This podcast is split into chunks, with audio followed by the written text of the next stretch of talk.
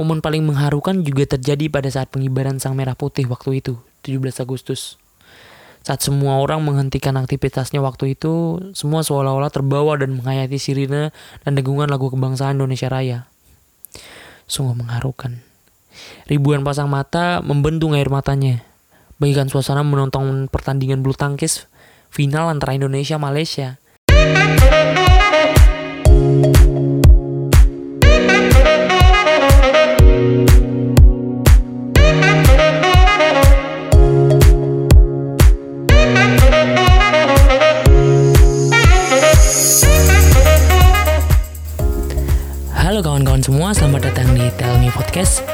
Masa kini pemuda butuh pemasukan. Anda sedang mendengarkan Tell Me Podcast tentang cerita dan nuansa.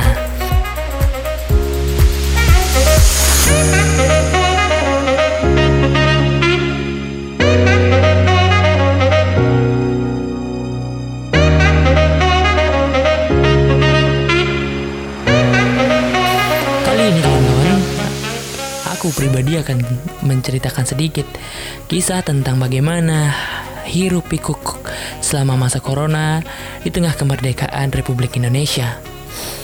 Jadi kawan-kawan, izinkan aku membagikan sepenggal pengalaman di bulan kemerdekaan yaitu Agustus. Bulan Agustus tahun ini tidak semulus Agustus tahun kemarin. Ya, kawan-kawan pasti tahu lah semuanya terjadi ya karena wabah virus yang bernama corona ini. Datang dengan pelan, kemudian nyelinap dengan tenang. Hingga semua dibikin beradang. Kalau orang bilang ini kecil-kecil cabai rawit. Tapi bahkan ini lebih kecil lagi dari cabai. Nggak terlihat tapi bikin semua orang gagap. Banyak hal yang dibuat terhenti oleh si corona ini. Jalan jadi sepi, sekolah tutup, pasar jadi sunyi, ruko-ruko hanya mempertontonkan besi-besi yang tertutup rapi disertai sampah bekas yang tersisakan. Waktu itu daerah ini bagaikan kota mati. Semua orang mulai diam di rumah. Sapa suara manusia pun tidak terdengar lagi. Jabat tangan hangat kawan juga hanya sebatas mimpi. Badan tak luasa bergerak, bahkan para pengais rezeki mulai bingung dibuatnya. Keadaan semakin mencekam. Kala hari demi hari jumlah yang menjadi korban namukan ganas virus corona ini semakin meninggi. Situasi semakin sulit. Para pelajar mulai kehilangan kewarasannya dalam belajar. Yaps, aku pribadi kaget dengan situasi ini. Sangat jauh dari bayang akan terjadi seperti ini. Semua rencana mendadak tak bisa, semua susunan strategi tiba-tiba tak berfungsi. Agak kacau waktu itu. Ditambah lagi di dalam rumah seolah-olah terasa sepi. Hanya ada gambar-gambar maya yang tampak. Tidak bisa dipegang, hanya bisa dibayangkan. Semakin membawa otak kami ke arah frustasi. Namun ternyata itu di awal saja. Itu cuma bayangan dan rasa kaget kita. Perlahan-lahan mendekati bulan kemerdekaan, ritmenya mulai agak sedikit um, kita pahami. Kegiatan-kegiatan yang asing itu seolah-olah menjadi kebiasaan dan keseruan baru. Aku pribadi mulai menikmati alurnya. Dan keluarga kami pun mulai mendapatkan kliknya gitu.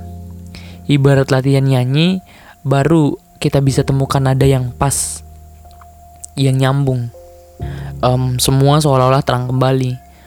Awalnya yang um, merasa bosan, terkurung dan bingung, sekarang perlahan-lahan ada cahaya terang yang membangunkan.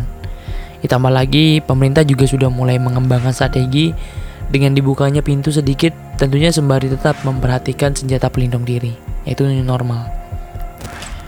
Mulai saat itu, aku pribadi mulai mencoba untuk menjalani kehidupan, tetapi dengan cara berbeda mulai dari bangun tidur yang biasanya bangun lalu menatap ponsel terus tidur lagi seolah-olah uh, tak ada gairah tapi sudah uh, dekat bulan Agustus ini mulai ubah kebiasaan mulai bangun pagi memaksa diri untuk mandi awalnya memang berat tapi seiring berjalannya hari ternyata setelah dipaksa akhirnya biasa aku menikmati betul waktu di rumah belajar banyak hal karena ada banyak waktu. Nah, yang kebetulan waktu itu tengah libur semester. Jadi untuk tugas kuliah lagi kosong lah. Tapi kegiatan aku rasa nggak boleh kosong gitu. Aku mulai coba-coba belajar yang waktu dulu selalu susah atau nggak sempat untuk dipelajari karena saking sibuknya barangkali ya. Tapi sekarang seakan-akan ada waktu lebih. Aku mulai coba-coba mengekspor cara edit video. Segala media belajar aku gunakan dan yang benar saja waktu asik itu kembali. Seolah-olah kekurangan waktu lagi. Dulu awal-awal corona seakan matahari lama merangkaknya. Sekarang seperti ditambah speednya dan makin cepat aja putarannya. Hari begitu cepat berlalu. Dan aku pun mulai berkomunikasi dengan kawan-kawan. Walau melalui daring tapi kali ini kami yakin tangan yang tak bisa berjabat telah terwakilkan dengan alis mata yang melengkung tanda senyum. Kami bisa merasakan itu. Dan akhirnya pepatah jauh di mata namun dekat di hati itu kali ini dipergunakan. Selain belajar hal baru, banyak juga kebiasaan-kebiasaan yang dulu aku lakukan. Sekarang berubah. Bahkan menjadi sangat efisien dan cepat. Misalkan ikut seminar. Banyak sekali acara seminar gratisan kali ini. Bahkan dengan pembicara yang dulunya rasanya mustahil untuk kita ikuti. Banyak tokoh-tokoh besar yang sangat sulit diikuti seminarnya karena full dan mungkin barangkali dana yang tidak memadai. Tapi kali ini dengan sekali klik aja sudah bisa mengikuti dan kita banyak banget dapat ilmunya. Itulah keuntungan corona ini. Membuat karya seperti podcast pun dulunya yang mesti harus ketemu gitu. Sekarang sudah mulai beradaptasi da dari jarak jauh.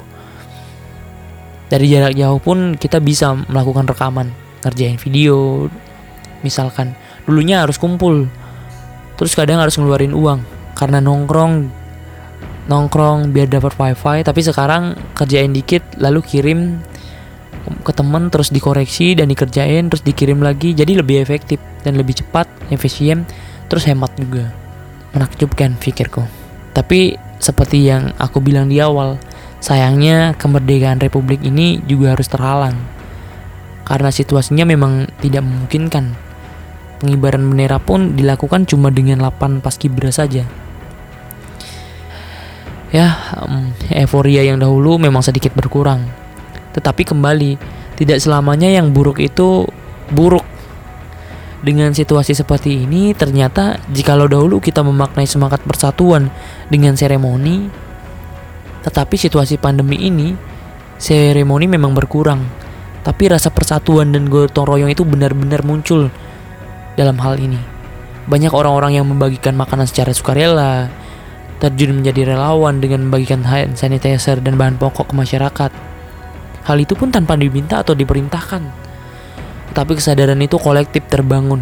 Kecil, muda, dewasa, semua bergotong royong. Yang berlebih memberikan yang kurang, dan yang merasa tenaga seperti mahasiswa turun ke jalan untuk mengabdikan diri membuat uh, orang yang kurang tercukupkan.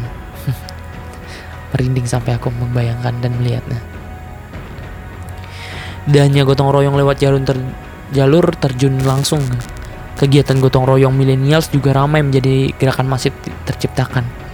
Seperti share pamphlet contohnya, share pamphlet donasi juga memiliki makna yang sangat luar biasa gerakan kolektif itu memberi, memberikan gambaran kepada kita betapa besar bangsa ini, betapa kaya negara ini.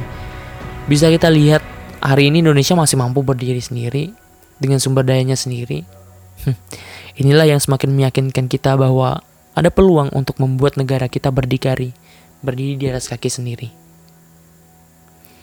Selain gerakan kolektif tadi, baik itu yang terjun ke, ke jalan ataupun melalui media sosial, di sela-sela riuhnya keadaan negeri ini, inovasi-inovasi anak negeri juga bermunculan. Di kampus kami sendiri, mahasiswa berhasil mewujudkan alat robot pengecek tensi otomatis yang membantu para tenaga medis agar minim kontak dengan pasiennya, sehingga kedua belah pihak aman dari penularan. Alat untuk menyemprotkan disinfektan pun juga banyak diinovasikan. Ini menjadi bukti bahwa tekanan membuat kreativitas generasi muda jadi berkembang. Hmm.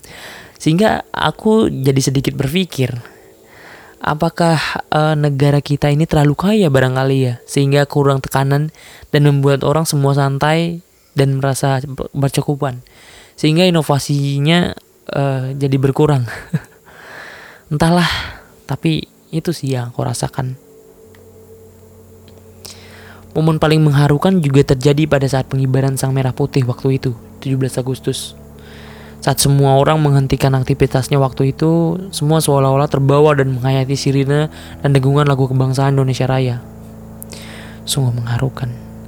Ribuan pasang mata membendung air matanya. Bagikan suasana menonton pertandingan bulu tangkis final antara Indonesia Malaysia. Semua seolah-olah bersatu dalam satu jiwa yaitu Indonesia. Sungguh Aku pribadi masih mengingat momen mengesankan itu. Semua terdiam, seolah-olah berbinar matanya melihat sang saka dinaikkan. Aku jadi teringat akan hal ini. Memang situasi sulit selalu menjadi cobaan jika kita ingin melakukan perubahan. Ingin mengubah kebiasaan. Aku jadi jadi aku jadi teringat. Coba saja tidak ada Covid ini. Mungkin saja kebiasaan yang sehari-hari kita lakukan yang terus-menerus kita lakukan, kemotonan itu akan terus menjadi kebudayaan dan tidak akan berkembang dan berinovasi. Tempat nyaman itu memang membius kita. Tapi dengan adanya situasi yang tidak biasa ini membuat semua menjadi berubah.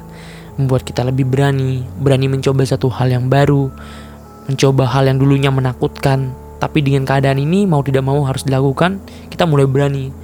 Lebih adaptif dengan teknologi, coba saja tidak ada corona ini, mungkin kita akan tetap anti dengan plaks, uh, perkembangan teknologi. Mungkin kita akan mencari-cari alasan untuk supaya tidak menggunakan teknologi. Lebih tepatnya tidak mengubah kebiasaan. Padahal sebenarnya itu membuat kita lebih produktif, cepat, dan efisien.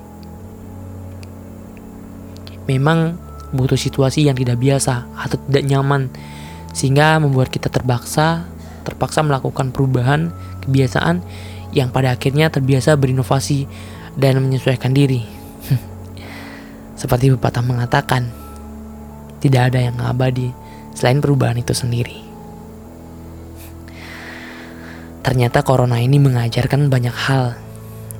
Jikalau kita berfokus pada sisi lainnya, tidak terfokus pada ya tidak memang tidak bisa dipungkiri corona ini membawa dampak negatif yang lumayan juga, baik dari segi ekonomi, sosial. Tetapi di balik itu semua ada dampak positif ternyata yang diberikan.